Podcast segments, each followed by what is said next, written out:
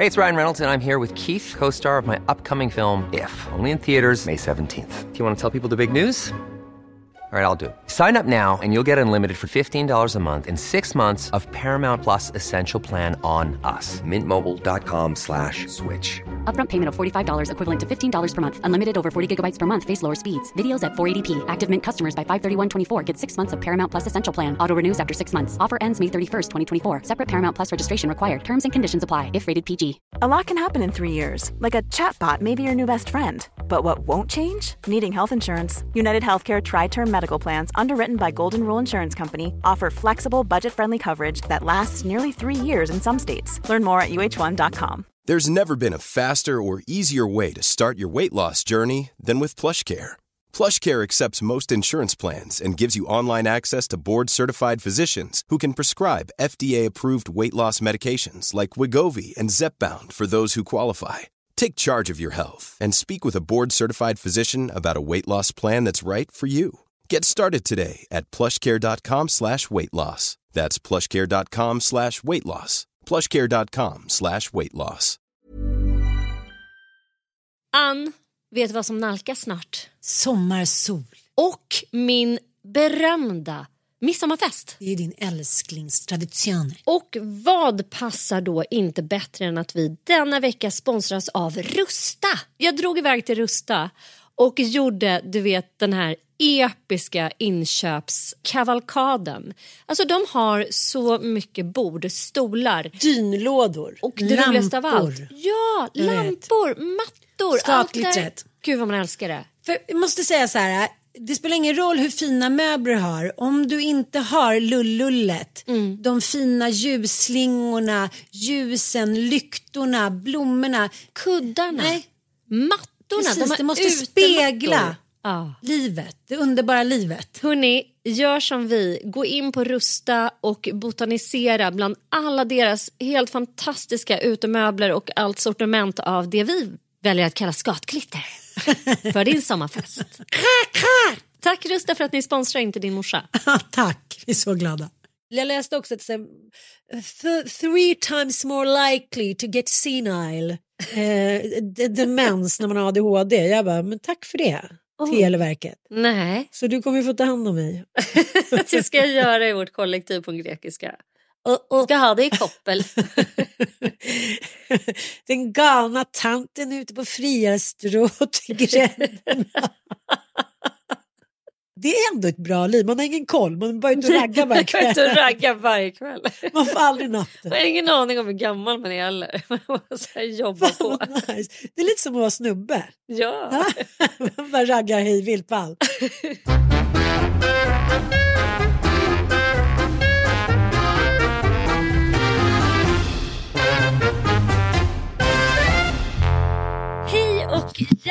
hjärtligt välkomna till ett krispigt underbart ljud.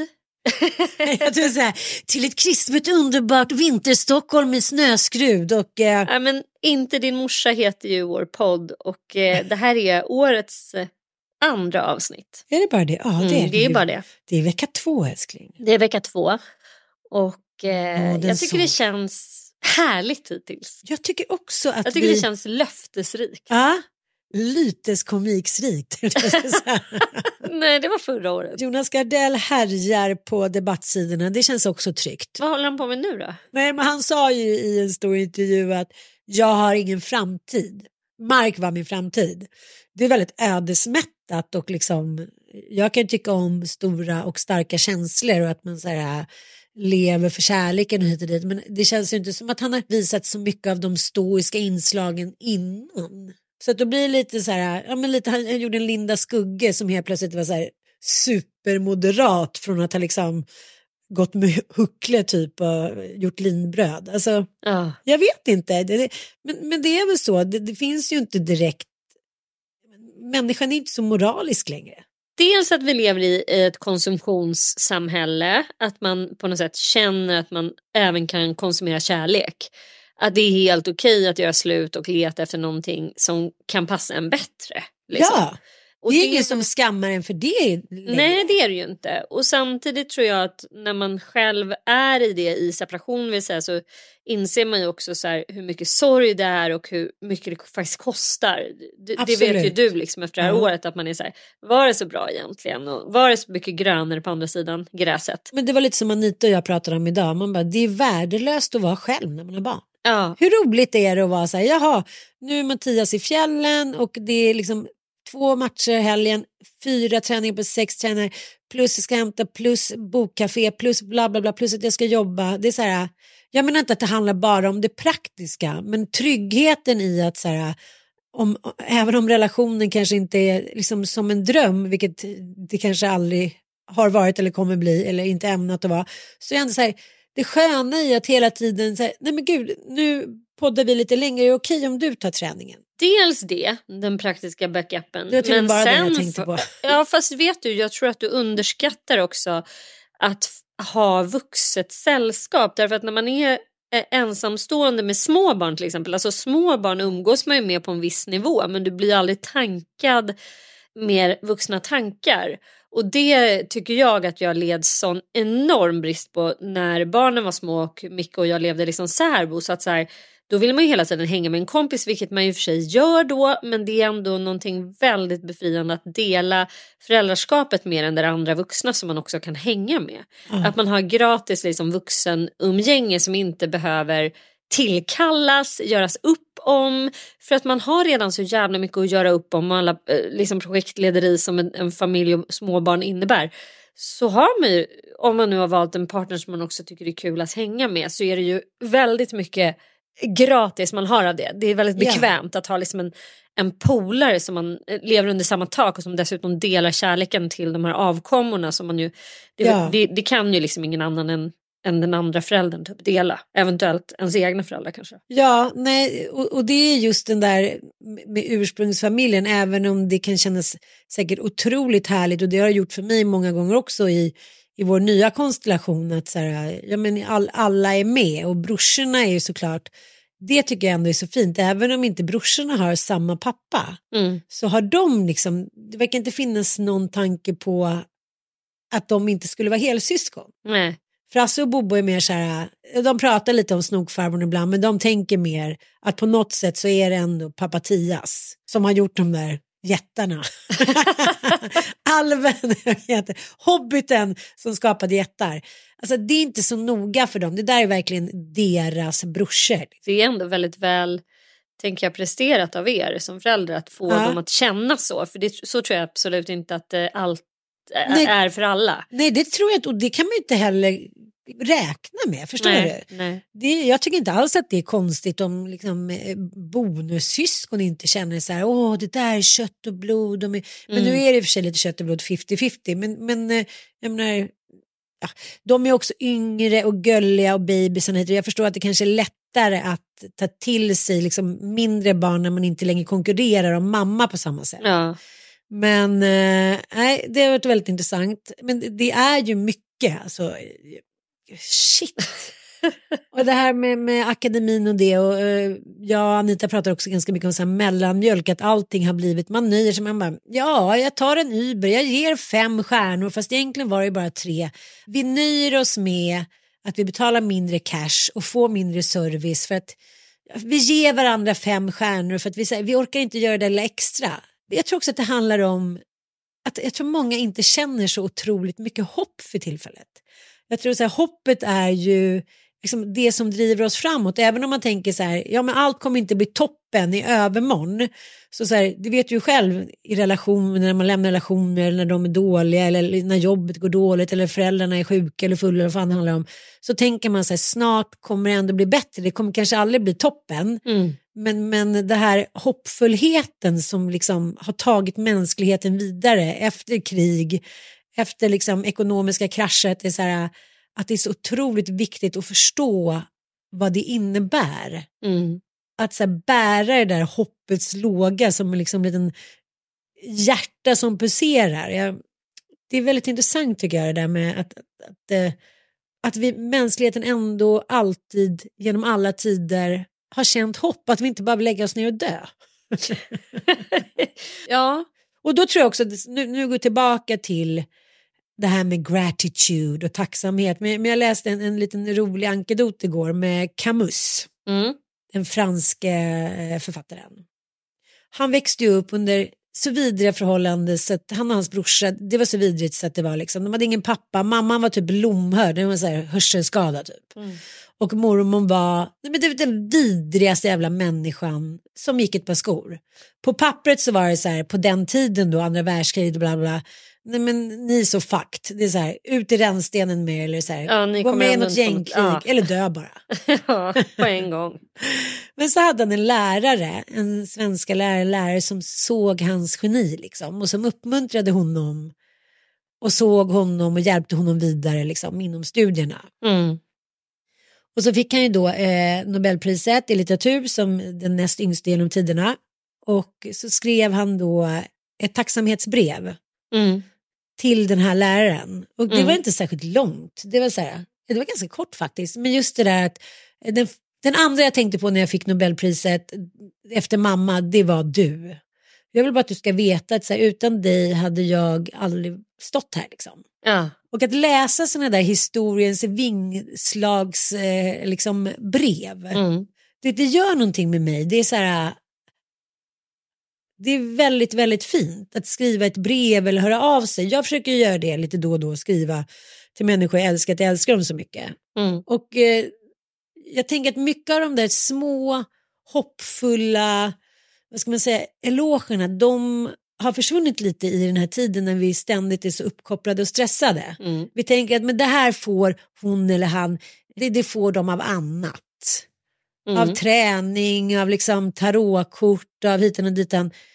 Men, men så är det ju inte. Vi är ju bara människor, det har inte hänt så mycket de senaste 10 000 åren. Det finaste är ju ändå fortfarande att få känna sig liksom behövd. Och jag tänkte på det, idag så la DN ut en liten reel Mm. på en mus.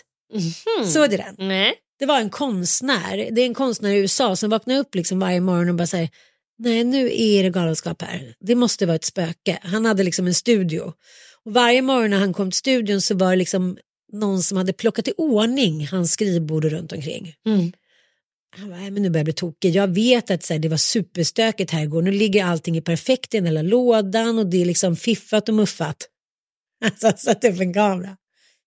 Tror inte att det är en liten mus som natt efter natt kommer till det här skrivbordet och till hans liksom, studio då. Man ser hur han plockar ordning, han tar en penna, lägger den här burken, tar bort smulor. Han städar liksom upp den här lilla musen, hen. Nej. konstnären. Så när- Varje morgon när den här då, eh, konstnären kommer till sin studio, då är det liksom flawless. Det är- är liksom så Ja, fantastiskt. det är så gulligt Ja, jag hörde på min story. Så Han var så här, Jaha, det var, liksom, det var inte en uteliggare, det var ingen som hade tagit sig in, det var inget spöke. Det var liksom en en fem centimeter stor mus som jobbade nattskiftet för att hålla fint. Så gulligt ju. Ja, jag tänker det att så här, i den här världen så, så kan det säkert gå flera dagar utan att man, om man inte har barn till exempel eller jobbar med någonting, ja, hjälparbete eller hjälp, att vi mår så jävla bra av att vara just behövda. Mm. Och då menar jag inte så här kolla på någon skärm eller känna sig behövd av typ så här, någon spelsajt utan så här, att känna sig mänskligt behövd och visa liksom, tacksamhet för det. Det är så här, vi får inte glömma det bara. Även musen, även musens ska få år. höra det. Du vet att det är många som stör sig att vi eh, kallade 2023 för, för råttans år. För att det många. var det inte. Utan Det var Varför? kan, vad var det? Kaninens år. Ja. Och nu är det drakens år som vi går in i då i nästa nymåne. Jo fast jag ska, du måste förtydliga att vi, jag ja, har vi all- syftar ju inte liksom det är till den bara här här, kinesiska råtta. kalendern. lever bland soporna. Ja. hankar sig fram. hittar, någon, ja, hittar någon liten guldring då och då. Ja. Men sen är det liksom ganska sopigt. ja, det är så riktigt rackigt. Det är så många frågor, så här, varför, varför vet ni inte? Ja, vad är, de är besvikna på oss. Att vi, liksom, vi som ändå håller på med tarot och så. Jag har lagt ner tarot. Har du Jag lagt ner det nu? Jag orkar inte med ett till svärd. svärd i ryggen. Jag bara lever som jag eh, levde innan i mitt liv. Så här, ja, det kommer bli bra, ingen fara typ. Allt är perfekt. Nej, jag ska väl ge mig på det. Men eh, ja, så jag tyckte det var så, tänkte på det just det här med råttans år, så här, musens år. Det är liksom så otroligt fascinerande hur den här musen, liksom, vad ska han, det finns ingen mat till, till den, det finns liksom, ingen kommer belöna henne. Han har bara städning som sitt största intresse. Ja, varje natt. Nattliga Ja. intresse. Det är för roligt. Det är för roligt. Ja. Jag älskar det så mycket. Ja. Jag vill också ha musen. Om du hör mig. Kom till mig. min lägenhet, köket. Och de blir ju inte gamla direkt heller. De blir också ett år gamla. Hur har de fan lärt sig att städa? Men det här är så häpnadsväckande. Är det någon sån här tränad- Trollsländerstädning. Bara lever en dag och bara så.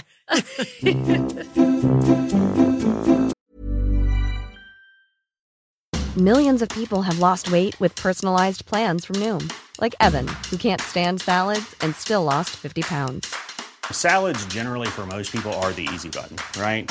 For me, that wasn't an option. I never really was a salad guy. That's just not who I am. But Noom worked for me.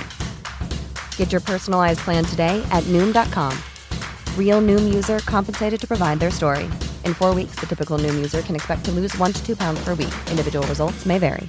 Quality sleep is essential. That's why the Sleep Number Smart Bed is designed for your ever evolving sleep needs. Need a bed that's firmer or softer on either side? Helps you sleep at a comfortable temperature? Sleep Number Smart Beds let you individualize your comfort so you sleep better together. JD Power ranks Sleep Number number 1 in customer satisfaction with mattresses purchased in-store. And now, save 50% on the Sleep Number limited edition Smart Bed for a limited time. For JD Power 2023 award information, visit jdpower.com/awards. Only at a Sleep Number store or sleepnumber.com. Hey, it's Ryan Reynolds, and I'm here with Keith, co star of my upcoming film, If, only in theaters, May 17th. Do you want to tell people the big news?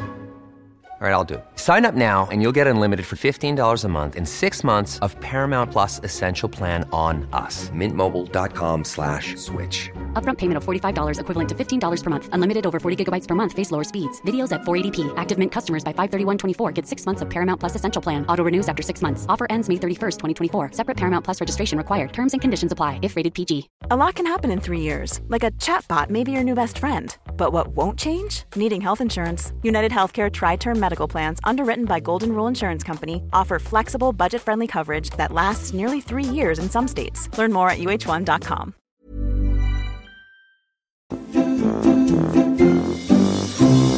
Ja, men jag, jag har ju sett eh, Oppenheimer.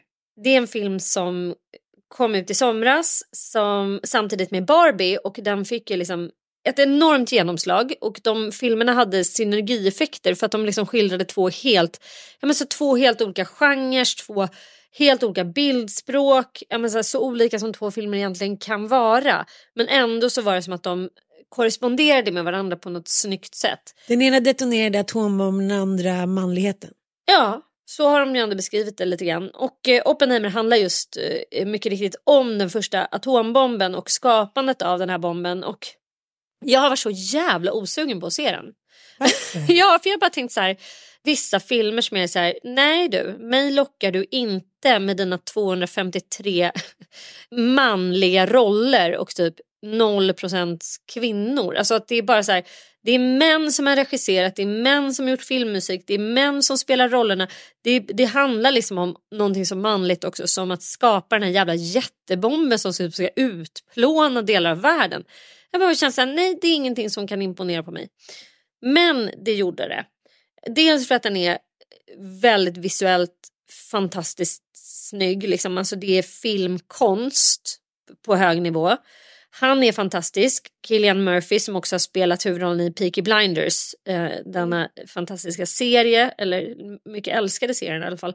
Och han är helt sjukt övertygande. Jag tänkte så här, gud är det han? Han kommer inte kunna spela den här övertygande för mig. Jag kommer bara tänka på Peaky Blinders. Men två minuter senare ser man bara så här, Oppenheimer, min nya vän typ. Alltså han är jätte, jätte eh, duktig. Och sen så är den ju också, ställer den väldigt många existentiella frågor filmen. Om liksom ont och gott och liksom for the good cause och eh, och som grabbarna också kände, den är så här jävligt, eh, den marknadsför verkligen nörden så hårt. Bara så här fysiker, biologer, Eh, det handlar ju bara om människor som är så här übersmarta. Einstein figurerar till exempel människor som lever sina liv kring liksom olika algoritmer, kvantfysik och skit som man har noll koll på. Ja, Oppenheimer gjorde ju sig känd innan atombomben för att vara den som kom på det här med svarta hål. Ja. Det, det liksom, han ansågs Jag känner också det när jag inte kommer ihåg vad min telefon är. Då är det mina svarta hål. Jag, bara, jag kan få det först. Och sen är det ju sjukt spännande vis mänskliga historia att liksom förstå att så många fysiker blev ju typ lands... Alltså då, det fanns, Tyskland var väldigt eh, ledande i fors, forskningsmässigt. Några av de främsta universiteten där man forskade på liksom fysik och allt sånt. Jag kan ingenting om sånt där. Men de fanns i Tyskland och så kom Hitler och då var det ju väldigt många judar som var vetenskapsmän och kvantfysik kallades då för liksom en judisk vetenskap för att av någon anledning så var det väldigt många judar på de fakulteter där man liksom forskade på sånt här. Så det, de bara försvann ju från Tyskland. Eh, Så jättemånga av dem gick ju landsflykt till både Storbritannien men sen då till USA. Så Oppenheimer lyckas då samla ihop alla de här och så handlar det om hur de då eh, på ett mycket hemligt sätt ska eh, dra ut i öken och uppsätta upp en jävla forskarstation. Ja, de är i Mexiko. Ja, Ja. i New Mexico. Ja. Ja, den, Men- den är nej, men- sjukt spännande, ja. den är sjukt snygg, den är välgjord, den är fantastisk. Alltså se den bara. Den är se så den. Är ödesmättad upplev- också. Att säga. Ja, det är så Alla visste ödesmättad. kapplöpningen då mellan Tyskland och USA, de som upp, liksom skulle lyckas lösa det där med atombomben, de skulle vinna kriget. Jag och alla visste också att den här bomben kommer ju liksom förinta typ mänskligheten. Alltså innan de faktiskt fattar att det går att göra en atombomb, när de sitter och räknar på det, då tänker de att så här, det går inte därför att den här typen av fusionsbomb kommer liksom få hela atmosfären att explodera. Det kommer bli en kärnreaktion som gör att allt på hela, hela den här planeten kommer att utplånas. Och ändå så fortsätter de att forska och tänker vi måste ju kunna begränsa explosionen på något sätt. Men det, det, det är så jävla spännande existentiellt att tänka på. Så att, nej men se den bara. Det är mitt tips. eh, Vecka du vill inte två. berätta om den storfilmen Dag Hammarskjöld där din kara slog spelet, det, det var inte viktigt. Jo det kan jag verkligen göra. Han är faktiskt nominerad för en Guldbagge. Så, eh, Alla tror att Jens Lapidus tror att han kommer få det. Tror Jens Lapidus det? Fan vad spännande. Ja, det läste jag faktiskt, han skrev Ja. idén om det. Ja. Ja, det, han är ju liksom väldigt eh, favorittippad men det har han ju varit många gånger. Han själv tror inte att han kommer få det. Men han är, skulle vara välförtjänt av en för att Dag Hammarskjöld är ju för övrigt en fantastisk film också. Har du sett den? Nej, jag har inte sett den. Så det, det, men Nej den, men du kommer bli förvånad för det, det är väldigt sällan man ser en så svensk film som är satsig på samma sätt som till exempel Oppenheimer. Otroligt sällan. Mm, och den är, det är liksom en jättestor rolllista, det är jättemycket det är svulstiga stora scener, det är action, det är så här, nej men den är, den är Ja, både jag påkostad och, ja se den för den är Jag tyckte fin det var så alltså. roligt med, med eh, eller lyssnade på en intervju med Micke, jag tror Mm. var P1. Och sen så när Dag Hammarskjöld dog så hittade de i hans kavajficka Mm. en liten lapp där det stod Bebapalooba she's my baby. Är det sant? Ja? Micke sjöng den här lilla snutten i Aha. den här radiointervjun. Vi ska lyssna lite på det. Bebop-lula, she's my baby. Bebop-lula, I don't mean maybe. Det handlar egentligen inte om att Micke sitter här med den här reportern och sjunger den här lilla liksom dängan. Jag bara tycker att det är så jäkla roligt med såna här små, små tokens av personlighet. Så liksom, ja, ja, men du vet, ungefär som Per Andersson bara, jag hittade en gammal lapp på vinden där det stod räkhäst. Den har jag tydligen skrivit när jag var liten av någon oförklarlig anledning.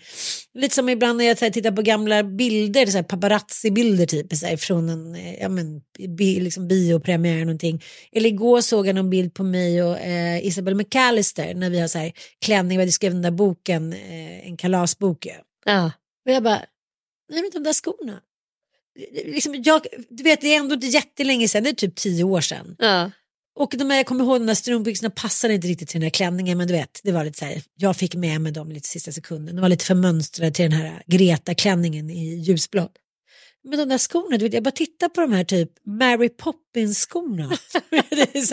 brun läder med lite så här framstjärtsklack. Och Nej, men liksom, gud, vad roligt, jag måste frans och det. googla det nu. ja, eh, och jag är så här, det har varit flera gånger nu när jag tittar på gamla bilder när jag säger så här, nej men jag har aldrig haft de där kläderna. Ah, Och då tänker så här, otroligt, inte du. nej men jag bara känner så här, händer det aldrig dig att du tittar och tänker så här, Jo, apropå svarta hål, man bara. "Vem- var jag då i ett svart hål? Alltså, det var de skorna. otroligt. Sensationellt, vi kommer lägga ut den. Eh, Men lägg ut den på inte din morsa. precis. Eh, och jag tänkte flera gånger så senaste, och då tänker jag så här, men gud jag kanske redan är dement. Apropå det där matematet, det är liksom eh, så otroligt jobbigt. Och då ska vi gå in på eh, min spaning. Jag har två spaningar. Eh, dels Little Jinder som Ja. skrev en krönika i Aftonbladet häromdagen. Att hon hade skaffat ett jobb. Precis. Och det har varit lite så här flera krönikor om att alla säljer ut sig och alla gör allt för pengar. Mm. Och att det liksom inte längre är någon som reagerar. Och det ska man säga så här, det pengamoraliska integriteten, den har ju gått i rasande takt ska jag säga. Mm. Jag, jag kan känna så här, när man liksom tänker efter lite, så här, de senaste fem åren så känner jag att SVT har blivit så här, ja, men som att de låter Pernilla Wahlgren eh, leda liksom allsången och då Mm. tar hennes snubbe över hennes liksom, Instakonto. Mm. Så löser de det på det sättet och det är ju med liksom SVTs bortvända blick eller man ska säga. Mm. Jag tänker också att eh, Titti eh, Schultz och eh, Ebba von Sydow Mm. Har en eh, kungapodd. Mm. Det hade liksom i, i finradio, det hade varit otänkbart. Mm. För, förlåt, men typ för tre, två, tre år sedan. Mm. Det är liksom någonting som har svängt. Det, är så här, det, är liksom, det blir ingen jättedebatt och det var ju det också Jens Lapidus skrev om idag. Även om Micke men även om eh, Alice Schulman. Ja, att Mm. han så här, skriver en krönika om eh, vilka ockrar ICA är samtidigt som han har ett fett kontrakt med Willys. Mm. Alltså för, då, för liksom fem år sedan så hade ju man, eller två år sedan måste jag säga där igen, då hade ju han förmodligen fått gå från sin post på DN. På DN ja. ja. Så att säga, det är någonting som har hänt och jag undrar liksom, har det med krig att göra? Har det med att allting, återkomma till det här hoppet, att så här, nu gäller det att casha in medans tid är. Förstår du? Så här, lite apokalypsen, att det är så här, nu Fast äter vi, nu tänker, dricker ja. vi. För det är också så här, ingen har några pengar men det är fullt på varenda krog. Och då har jag pratat lite med krögare om det, lite både finkrögare och vanliga krögare. De bara, nej men folk går ut och bränner pengar som aldrig förr. Är det sant? Och då måste jag säga att det är någonting dionysiskt, apokalypsen, det är så här, Ja. nu kör vi medans tid är. Knulla, dricka, spela. Men så är det väl generellt i lågkonjunktur att allt sånt här, alltså så här, underhållning går bra. Alltså så här, t- folk vill liksom, ja, de står inte ut med att sitta hemma och tänka på liksom undergången utan Nej, då ska nej. det liksom så här, vi vill dricka, äta och knulla och typ se underhållning bara.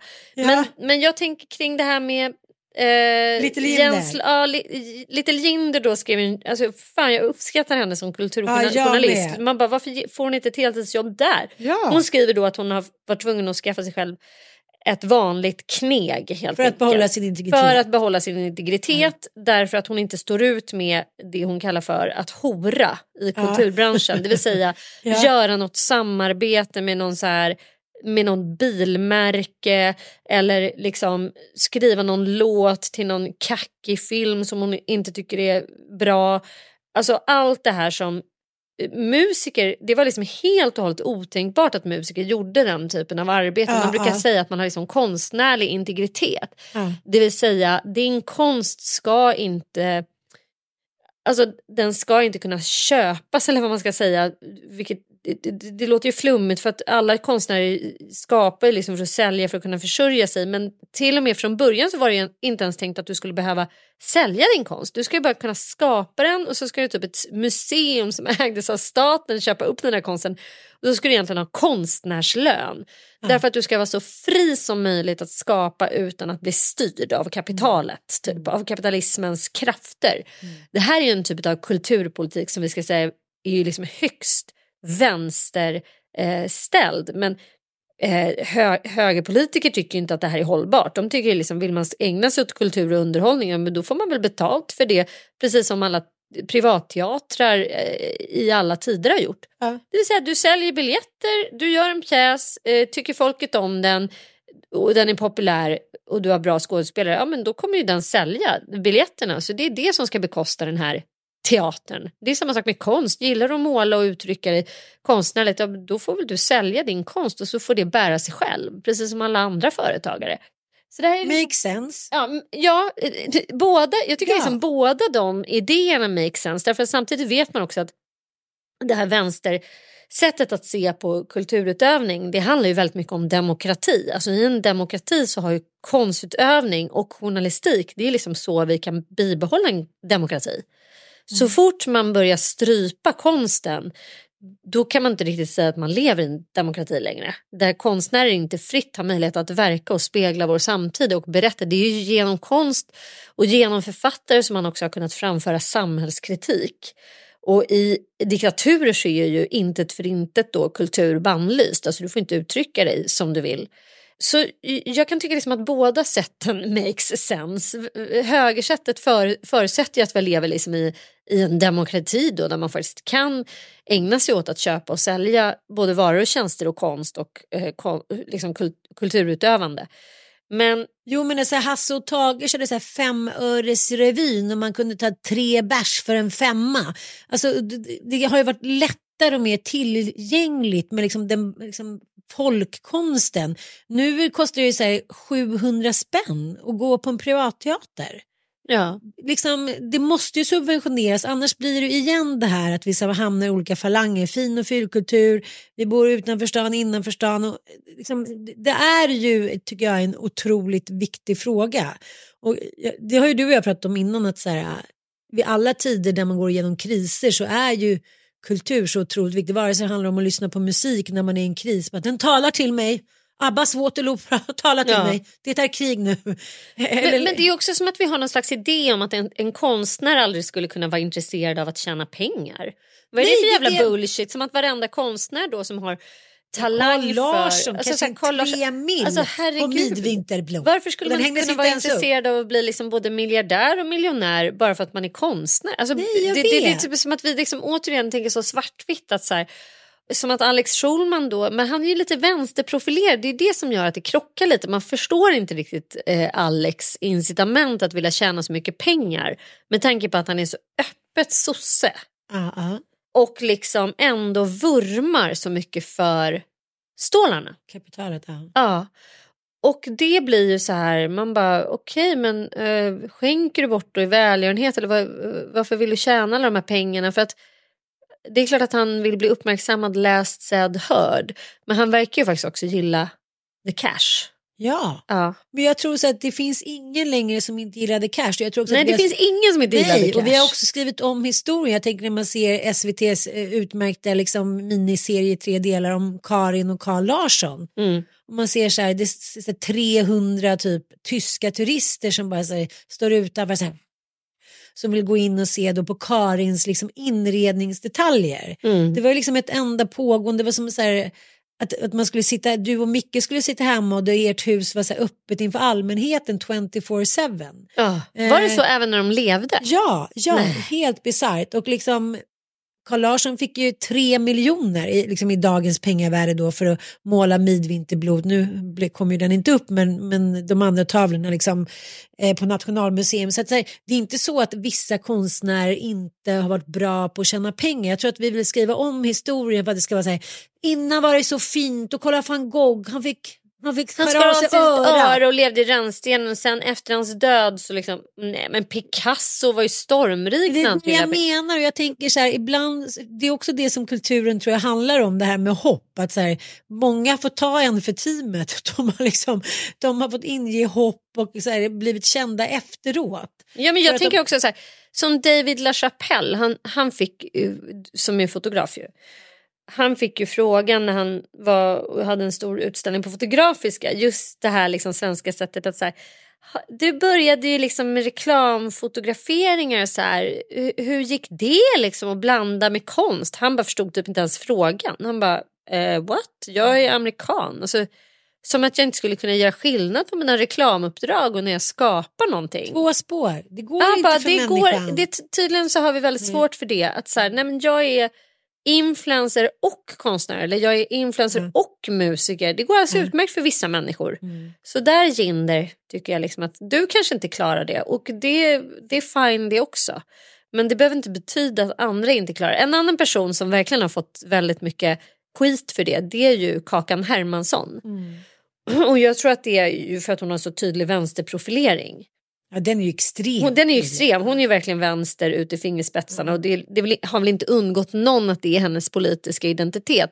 Och då blir det för vissa då ganska skevt att hon gör reklam för massa produkter som alltså man bara känner så här, har hon verkligen kollat upp för de här, vad, vad det finns för politiska liksom, åsikter bakom de här hudkrämerna som hon då påstår sig älska och saluför vitt och brett. Men jag, jag tycker att det intressanta i hela den här artikeln, dels tycker jag att det är modigt av henne att skriva den. Jag vet inte varför. Jag kan liksom inte riktigt analysera varför jag tycker så här. Bra kämpat, du är den sista proletären. Typ. Men, ja, men jag tänker också när, när Gustav Fridolin slutade då som eh, utbildningsminister. Då eh, blev det ju eh, liksom i likhet då med Jinder, det har ju blivit en jättenyhet att han då gick tillbaka till sitt läraryrke. Mm. Det var så här, Gustaf Fridolin, lite så här snabbköpskassörskan går tillbaka och jag kommer ihåg jag pratade med Nisse Edvall, alltså med pappapodden, han var så här, men nu jobbar jag som bud. Jag måste få in till cashen, man måste få in till hyran för grabbarna så jag kan försörja dem. Jag bara, jaha. Kan man göra det? Nej men lite så att det vore något skam att så här, nu, nu är den där kändisen misslyckad, hen har inga jobb så Ja. den måste ta ett vanligt värv liksom. Ja. Och vi pratade om, jag hade en liten spaning att jag tänkte så när man ser Anna Lindmarker som nu har slutat på TV4 men att ibland kan jag känna trovärdigheten som Jens Lapidus ifrågasätter i den här artikeln att när det sitter någon som till exempel på Fox som tjänar 240 mil per år Ja. ska stå liksom på någon sån här a-kasse situationsbaserad liksom, nyhet i så här Alaska. Ja. Så här, män utan tänder bara så här, the poor people in Alaska. Ja. bara, Okej, hur trovärdig kan du as if you give a fuck. Mm. Och eh, samma sak som Anna Lindmarker sitter så här superfiffad, eh, rå, liksom snygg, supersminkad alla America och bara så här Ja, och då och pratar om liksom svält eller krig. Att det blir lite så här, det är svårt oftast att se bortom Mm. ytan såklart. Liksom. Mm. Så när Little Jinder då skriver det här, jag, jag orkade inte hora längre eller någon, liksom någon som haft någon mer ädel kulturroll då blir en svennebanan. Mm. Varför tycker vi att det är så kittlande? Är det liksom ett hot mot hela liksom ordningen förstår du, kulturordningen, att den ska vara där och även om den får hora, för liksom, konstnärer har ju horat i alla tider. Ja. Mencenat är ju som synonymt med att hora. Mm. Att ha en Liksom- mecenat ja. Ja, Ja, mer det är så här, här är mitt rövhål. Mm. Hur många vill stopp, sticka upp den? ja, men... så att så här, egentligen så är det så här, historiens vingslag, allting blir ungefär som det har varit till slut. Allt är nytt men ingenting är förändrat. Och att det går, som vi alltid konstaterar, det går i vågor. Hur fan vad jag t- tänker på det när jag sitter och kollar på inredning nu. Man bara, nej men nu är det tillbaka. De vita väggarna. De beigea mattorna.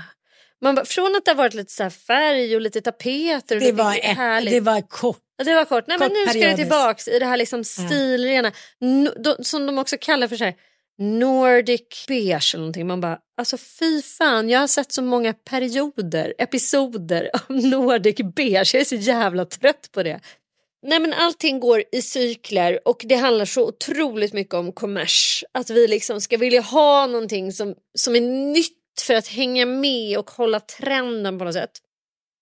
Eh, samtidigt som då ett av de mest störiga fenomenen som jag eh, tycker gjorde debut under hösten 23 eller under egentligen hela hösten 23 som jag inte vill höra ett ord om.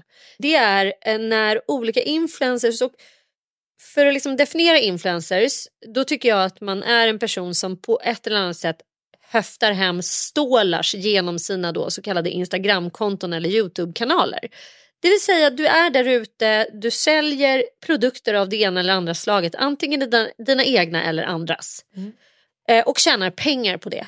Dessa influencers, då, den stora trenden under 2023 har handlat om att de eh, går ut och liksom deklarerar att de tar pauser.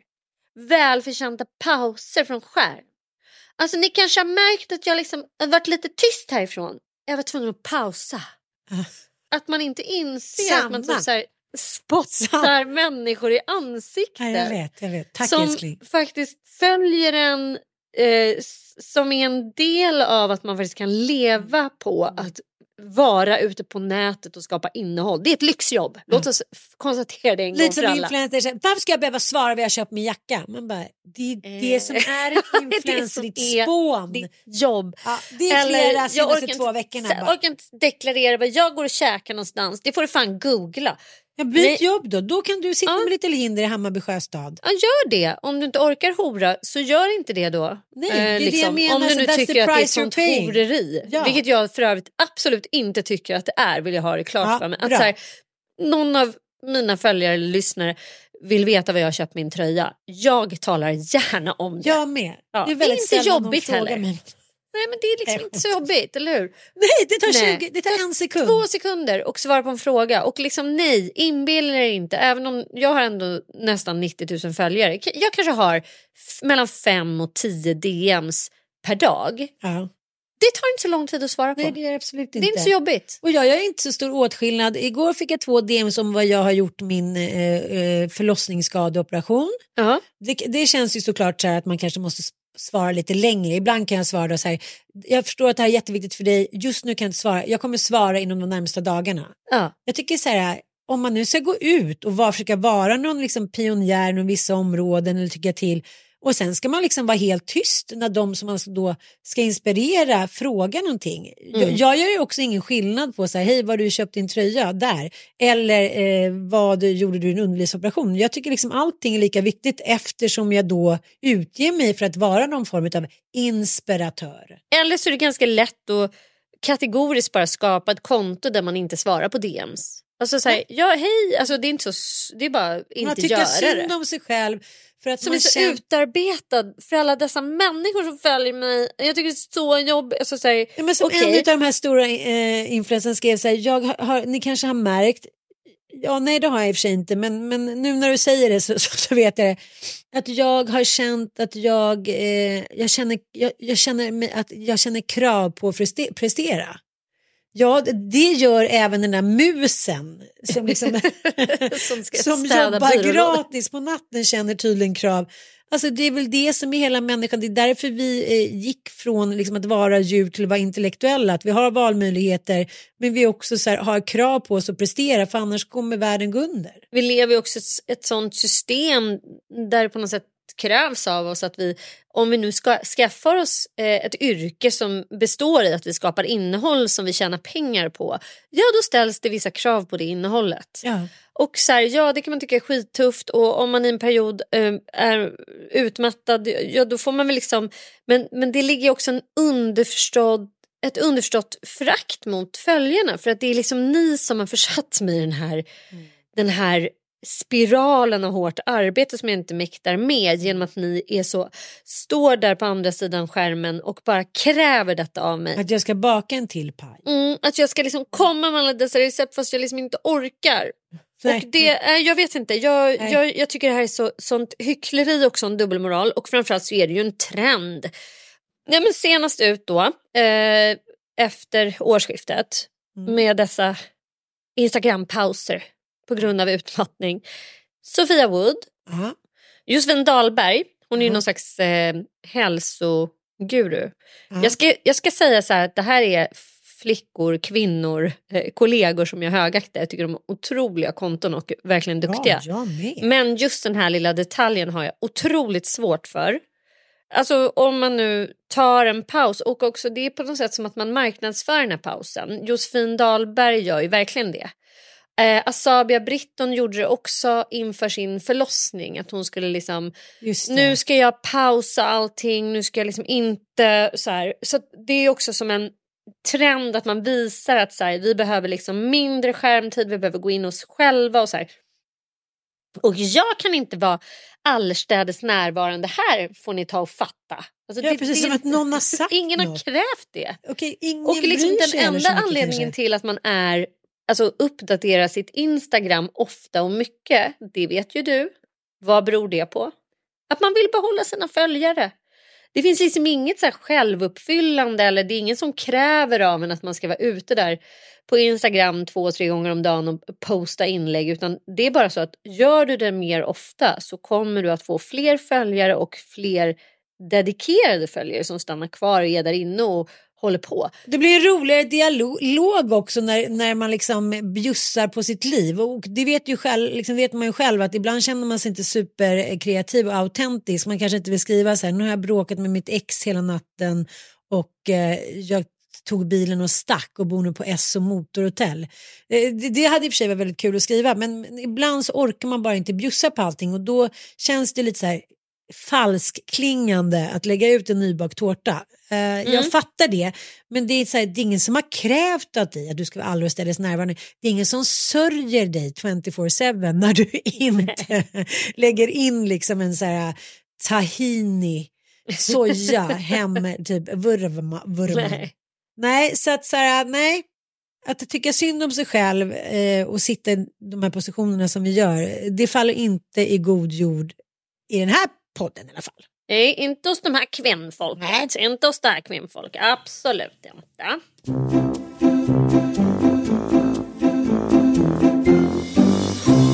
Men du, jag är ändå nyfiken på en grej. Även om vi kallade rått... Alltså det är ju så den här tiden på året att man börjar summera saker och man börjar liksom tänka på förra året och, och, som vi då har valt att kalla för råttans år på grund av dess eh, totala liksom ja, skit inramning, så kan man väl sammanfatta det. Snart en stor film. Alltså, I Sibirien typ. Tyvärr kan ingen få höra vad som hänt så att vi Nej. får ta den i Sibirien. Ja men det är lite grann Ja. så. Men samtidigt så, så satt jag och tittade på bilder för det poppar ju upp så här, åh ett år sedan och jada jada jada och så bara ser jag liksom så här, men gud just det vi gjorde det här och vi var på Hydra och vi var åkte skidor och men gud det där härliga och lilla Betty föddes och kattungarna, alltså så, här, så jävla mycket härligt som också hände och det är liksom det är så jävla knäppt att man då kan leva som i parallella spår på något sätt. Att det kan hända så otroligt mycket härligt under ett Den år. som kungliga råttan. Ja, den så, så här, råttnjuterskan. liksom. eh, och samtidigt så, så började jag titta tillbaka på andra år. Jag bara, men gud, hur, finns det något år i mitt liv som inte har varit härligt? Där det inte har funnits såna här ljusglimtar? Och jag ska tala om för dig att ta mig fan till och med 2017 när mamma dog så var det jävligt mycket härliga saker som hände. Vad var det? Ja, alltså 2017 blev jag ju gravid för det första. Just Du och det. jag jobbade med... Eh, jag började programleda Karlavagnen. Just det. Du och jag var på Mallorca. Det var liksom i mångt och mycket en ashärlig resa fast den också hade liksom sina baksidor. Men jag tror att vi hade haft, liksom, oavsett var vi hade rest eller med vem jag hade rest så hade det varit liksom en, Mm. en, en resa full av liksom känslor på, som inte bara är positiva. Så kan man väl säga diplomatiskt. Alltså det var så mycket här, härliga saker som hände även 2017. Förstår du? Jag fattar. Jag och det är liksom fattar. någonting väldigt trösterikt med det. Att inse att även skitår så hjärnan har ju någon slags förmåga att bara så här sammanfatta och kategorisera. Det här var ett bajsår, det här var ett pissår, det här var ett toppenår. Det Ja. är ju inte så enkelt. Utan liksom, eh, och jag undrar, så här, undrar om man kommer omformulera det där någon gång. Bara 2023, vad fan var det för råttans år? Det var ju skitbra år. Nej, nej. Du inte Älskling, om du så står med typ så här droppande Kina-vatten på mig så kommer du aldrig få ta, tillbaka dig att mig. ändra dig Nej, nej, Nej. inte just det här året älskling. Många andra år eh, kommer du kunna få, eh, få mig att ta tillbaka eh, att det inte har varit ett skitår. Men, men här har det har men, men det är som du säger, det är klart att det ändå finns ljusglimtar och jag kan känna att eh, så nära jag har varit liksom mina känslor och mina barn tror jag aldrig att jag har varit. Ja. Det är liksom så här, men Berlinmuren föll eh, på något sätt. Så, så här, på det sättet tycker jag att det liksom är positivt och också lite så här Okej, bring it on då, jävla råttfångare. Så här. Den här gnagan kommer ni inte komma åt. Ja. Jag kan leva på en liten ostsmula typ. Hos konstnär, på konstnärens bord. Så här, liksom, Don't fuck with me. Skulle det, det tror jag det ska bli min tatuering älskling. Don't fuck with me. Ja. Och vet du, det är också en grej som jag har börjat göra som jag har tyckt har varit så här väldigt lökigt. För att en stor del av arbetet med att liksom bli mer, mer hel eh, än trasig när man är ett så kallat vuxet barn som ju du och jag är. Att liksom ha vuxit upp i familjepräglad av beroendesjukdom. Så är det ju det vi, som heter för eh, Alltså det heter ju reparenting på, på Ja. engelska och, och omföräldra sig Ja. kallas det på svenska och det tycker jag är ett giltigt uttryck. Ja. Hur som helst så handlar ju det väldigt mycket om att man pratar med sitt inre barn. Ja. Att man tröstar sig själv och säger så här, vet du det gör ingenting, det, det, det, kommer gå bra och liksom att man faktiskt så bokstavligen kanske tittar på sig själv på riktigt, alltså i spegeln och pratar med sig själv. Mhm. Och jag har bara tyckt att så här, fy fan vad lök, alltså jag kan inte göra sådana där konstiga övningar Nej, i bra, KBT. det här är så liksom så här. spännande. Det är Ja. också väldigt svårt. Jag tycker det är svårt, jag, har Ja. jätte, jag känner mig töntig när jag gör det, jag känner mig löjlig. Ja. Men senaste två veckorna så har jag bestämt mig för att göra just den övningen. För det dök upp i en ACA, en här workbook. Som handlade just ett långt stycke om reparenting, liksom vad det innebär. Och då var en övning att man faktiskt ska göra det varje dag. Säga till sig själv så här, du, du är en, och många när man går på ACA-möten som är tolvstegsmöten så hör man människor som kommer dit och så säger de så här Hej, jag heter Sanna, jag är vuxet barn, jag är värdefull, jag är duktig, jag är snäll, du vet sådana grejer. så och jag får så här älskling. mycket skamkänslor när jag ska Ja. göra något sånt där så jag klarar inte av att göra det. Alltså affirmationer där man ger sig själv kärlek, man matar sig själv med positiva bu- budskap för att man har lidit brist på det. Eventuellt. Och, men jag har börjat göra det. Jag har börjat göra det och jag har känt mig så töntig. Men vet du, senaste gångerna eh, när, jag, alltså när jag gjorde det i förrgår, för då, då fick jag någon så här besvikelsekänsla på mig själv. Alltså jag tyckte liksom att jag var dålig för att jag inte hade svarat på någonting eller att jag liksom, jag har en olöst konflikt som ligger och, och gnager i mig med en, en gammal kompis till mig som, alltså det är bara en så här, det är liksom ett, ett läge som har låst sig kan man säga. Och det gnager i mig eh, och jag har liksom med mina sponsorer i det här ACA-programmet försökt komma fram till vad är liksom rätt, alltså vad är, vad är ett Vem har rätt? Ja, eller vad, är det här ett tillfrisknande i mig att inte gå in i den här konflikten och bara så här maniskt försöka lösa den? För det är liksom det jag skriker till mig själv så här hårt. Att så här, du måste lösa det här nu, nu måste du fixa det här. Nu måste du bara gå in och skriva någonting och ställa allt till rätta och försöka kontrollera utfallet av den här, den här uppkomna situationen. Men jag gör inte det. Istället så har jag liksom bara backat undan från det och agerar inte alls på det. Och det har jag liksom en inre konflikt kring. Är det här bra eller är det dåligt? Jag vet inte. Jag kan liksom inte värdera det. Nej, Eh. nej men det, det, är också, jag har ju också levt lite så senaste månaden. Ja, det är, så här, är, det här, är det här rätt? Är det här fel? Är det här friskt? Är det här sjukt? Är det här medberoende? Är det här tillfrisknande? Så här, det är där jag hamnar. Men det handlar Ofta, inte om liksom. orken. Jag känner mer så här, jag vet fortfarande inte vad som är moraliskt rätt. Men just nu så tror jag att om jag skulle ge mig in i bisvärmen så skulle det liksom Ja, men skada det, mer. Ja, jag tror att det, dels handlar det om så här prioritering, att man måste prioritera kanske andra delar i sitt liv. Alltså för dig är det ju himla obvious för att du håller på med liksom en flytt och du håller på med allt möjligt som är jättemycket praktiskt ansträngande.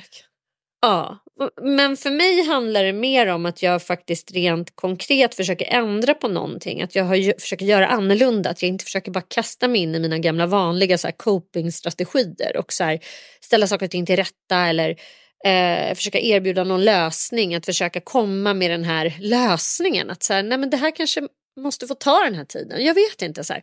Jag famlar runt i det där. Men igår hamnade jag i någon sån här besvikelse på mig själv. Att jag liksom ändå tycker att jag är dålig som inte har tagit tag i den här surdegen typ. Men då körde jag mitt reparenting-snack med mig själv. Och Hur låter här, det då? Nej men då säger jag ju inte högt ut utan i mitt huvud till mig själv. liksom vet du, du behöver inte vara bäst. Du behöver inte vara bra på att lösa saker. Det är helt okej okay att vara värdelös ibland. Det är helt okej okay att inte kunna saker. Det är helt okej okay att inte alla älskar dig. Det är helt okej att du inte är liksom bäst, du är värdefull ändå. Alltså sådana saker, att man liksom bara säger sådana här jag får PTSD, saker. Jag, bara... jag vet, liksom. men det är fucking amazing. Det händer grejer när man gör det. Det gör det. Jag har, liksom, jag har underskattat det verktyget. För det handlar väldigt mycket om självtröst förstås. Att man är liksom sin egen älskande förälder som säger så här, vet du det är helt okej, okay. du ramlade men det är helt okej okay att misslyckas, du eh, försöker bara igen. Och du behöver som sagt inte vara bäst på allting, du behöver inte vara klanderfri, du behöver inte vara moraliskt och etiskt liksom femstjärnig heller. För du är en människa och du är en människa som är trött, du är en människa som är slut, du är en människa som är, är utmattad efter, efter råttans år. Då är det helt fucking okej okay att inte vara liksom 100% bäst på livets alla områden. Så, you got this.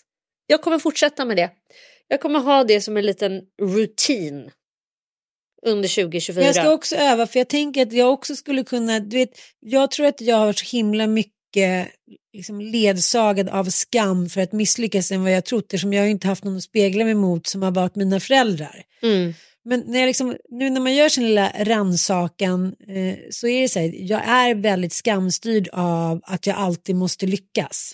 Du är ju prestationsprinsessa vilket är paradoxalt för att man tänker att du är så här Pippi Långstrump som är så här, jo men du kör lite på volley, du är lite spontan och så här, nej det är du inte. Du har liksom, nej. det är ett sätt också för dig att så här, dölja dina enorma, de högt ställda krav du har på dig själv. Ja. För det har du ju. Det är liksom, du ska ju vara en perfekt mamma till exempel. Ja. Alltså dina mammakrav, jag har ju typ aldrig sett på maken till någon som har så högt ställda mammakrav på sig själv. Nej, jag vet, men jag har ju inte fattat det här. Det är ju det som har varit så korkat. Jag har tänkt så här, ja men Säderlund, Pippi Långstrump mamma, hon kom hit i basker och en bonbons i bakfickan. Man bara, vet, jag bara tittar tillbaka på hela mitt liv. Så jag bara känner liksom från när jag är så fyra, fem år att jag redan där är så jag ska läsa, liksom, jag kan inte, mina föräldrar ska vara stolta, jag ska vara bäst, jag ska vara bäst på fotboll. Och, och nu har jag liksom en liten pojke som är likadan, mm. vilket gör att så här, jag fattar att det här är ingenting som jag kan avfärda. Jag ägnar liksom timmar varje dag åt att säga okej okay, nu ska vi coacha. Nu ska vi coacha de här små pojkarna hur lätt det är att hamna i någon form av så här, snedvriden bild av vem man själv är och sen så bara fortsätta tuffa på det och undra sig men varför, varför känns det så skevt? Mm. Visst är det märkligt? Mm. Och jag tänker när du berättar det där att du så, tröstar dig själv, att du parentar dig själv. Du vet, jag får sån skamsköljning att jag ska stå där för mig själv. Bra Anna, jag säger nej du har inte varit bra, du har inte presterat. Du har, liksom, du har inte gjort 963 grejer idag. Du är inte värd. Ja, men du vet, så här, jag har väldigt mycket där i mig. Men du, du driver ju själv, dig själv som slavdrivare. Ja. Men det är därför du ska börja... Alltså jag tänker att du till exempel skulle behöva börja göra det när du misslyckas. För det är då man har det största självhatet och skammen på något sätt. Att så här, nej men gud nu fick jag en p-bot igen. Det är okej. Okay. Alltså det är då du ska säga sådana saker till dig själv. Det är då du ska vara liksom superaccepterande istället för att bara jävla alltså jag kan ju när jag gör såna där grejer jag kan ju ibland du vet slå på mig själv så att jag sätter mig själv och börjar så här, skrika idiot till mig själv i spegeln och sånt där. ja, ja. Nej, just med p-böter så har jag varit så himla duktig. Nu har jag fått två stycken senaste månaden och idag fick jag en för att jag stod 10 centimeter från motorcykeln fast jag ändå hade betalat och så himla noga med det. Och då kände jag bara så här era jävla as. Nej, nej det är mer så här, nej, ditt jävla, nej det är bara, jag hackar bara på mig själv. Ja, men jag menar det, att jag kan skrika på mig själv då. Jo, det är inte det... någon annan jag skriker på, jag skriker på mig själv i spegeln, i bilspegeln, ja. du vet i backspegeln. Man bara, ditt jävla pucko, hur fan kan du vara så jävla stressad så att du... Och så vidare och så vidare. Nej, det här är min lilla läxa till dig älskling. Att du ska börja med dessa töntiga affirmationer och att gå emot dig själv när du känner sån skam och tycker att det är så jävla pinsamt och töntigt. Bara gör det ändå. För det, allting handlar om det i slutändan att man tänker så här, jag är inte värd något om inte jag presterar. Det är lite som Carl Larsson när han typ blev refuserad med sin midvinterblod som var den enda ärliga konsten han någonsin gjort i hela sitt liv. Nej men då blev han så knäckt att han typ dog. Mm. Han skulle liksom sätta upp den där tavlan själv hemma på Sundborn typ. Om det så skulle bli hans stöd. Karin vaknar på morgonen och bara okej, eh, okay. 20 gånger 20 meter typ. Hur gick det här fysiskt till? Bara boink. Och det måste jag som avslut så här, som en liten eh, fantastisk liksom, inblick i eh, den gamla tiden även mångt och mycket är som det alltid har varit. Det var så här, stackars Karin var hemma med barnen själv. Man bara, jaha, Mm. what's the news? Medan Karl var ute och skulle hitta inspiration till så, what's the news? Så här, jag menar så här, vad är det som har ändrat sig? Men jag tycker ofta det är i gammal beskrivning när människor dör. Att så här, ja, då sade Karl, nu tror jag att jag dör. Och så gjorde han det.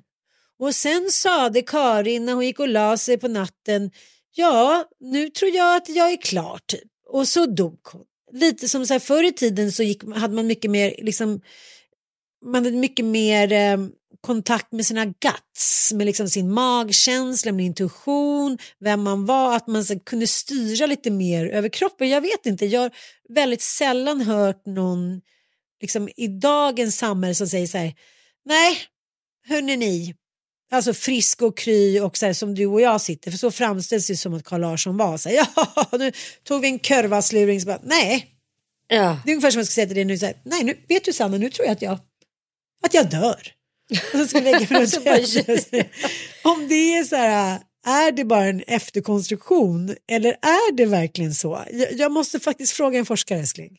Och innan vi slutar här nu, god vänner, eh, 7 till 9 juni har vi vår underbara surf och boost kvinnoresa på surflogi på Gotland. Vi bor i fantastiska tält, vi sover hästens sängar, vi får frukost som inte ens Karin Larsson hade kunnat frambringa.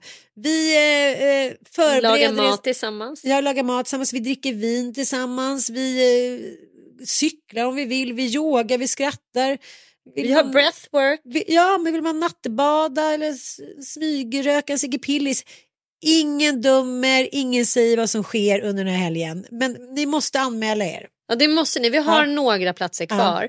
Och det, alltså, för er som inte har liksom fått fullständig koll på vad detta event är så är det alltså det, Surflogiet består av ett gäng underbara glampingtält i Surflogiets liksom härliga regi och det är ju ett hotell kan man säga fast det är glampingtält. Ja, Mitt på stranden, Tofta, Gotland. Helt ljuvlig miljö. Det kan vi gå i god för. ja det. Vi har ju liksom handplockat det här istället för att vi själva tycker det är så ljuvligt.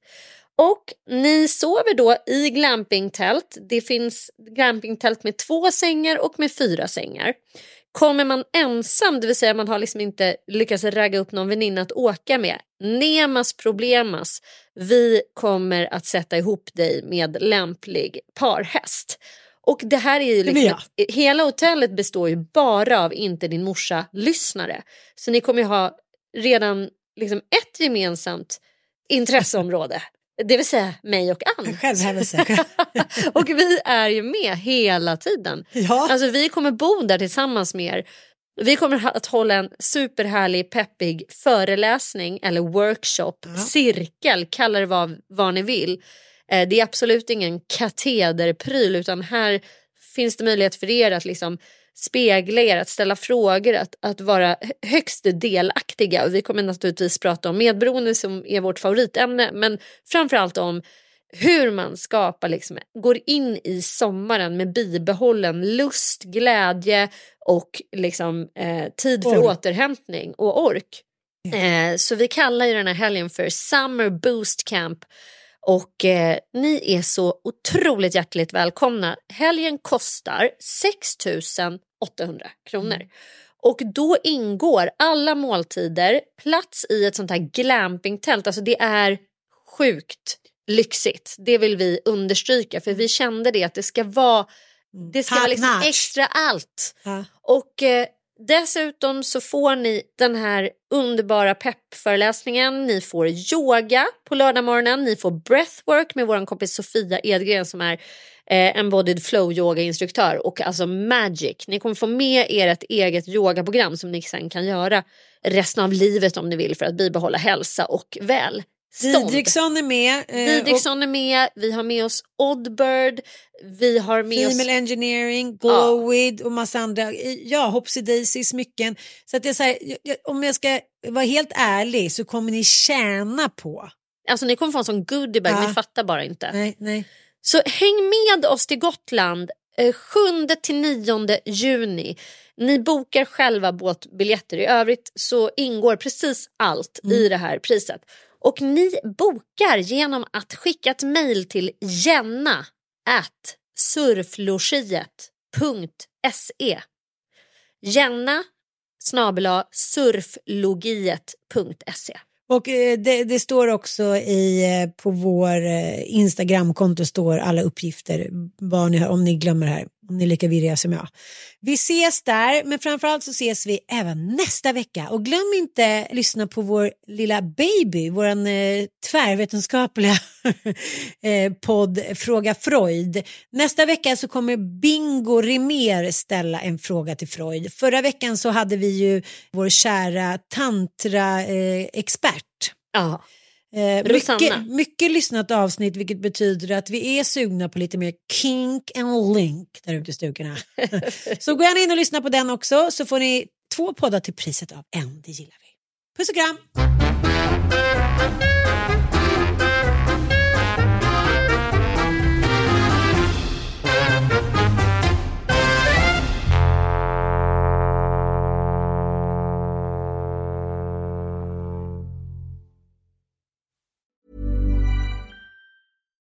Hi, I'm Daniel, founder of Pretty Litter. Cats and cat owners deserve better than any old fashioned litter. That's why I teamed up with scientists and veterinarians to create Pretty Litter.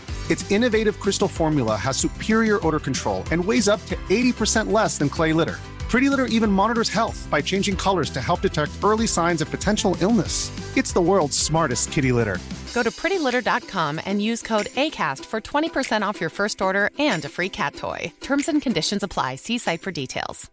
Imagine the softest sheets you've ever felt. Now imagine them getting even softer over time. That's what you'll feel with Bowl and Branch's organic cotton sheets. In a recent customer survey, 96% replied that Bowl and Branch sheets get softer with every wash. Start getting your best night's sleep in these sheets that get softer and softer for years to come. Try their sheets with a 30-night guarantee. Plus, get 15% off your first order at bowlandbranch.com. Code BUTTERY. Exclusions apply. See site for details. Planning for your next trip? Elevate your travel style with Quince. Quince has all the jet setting essentials you'll want for your next getaway, like European linen, premium luggage options, buttery soft Italian leather bags, and so much more. And is all priced at 50 to 80% less than similar brands. Plus, Quince only works with factories that use safe and ethical manufacturing practices. Pack your bags with high-quality essentials you'll be wearing for vacations to come with Quince. Go to quince.com slash pack for free shipping and 365-day returns.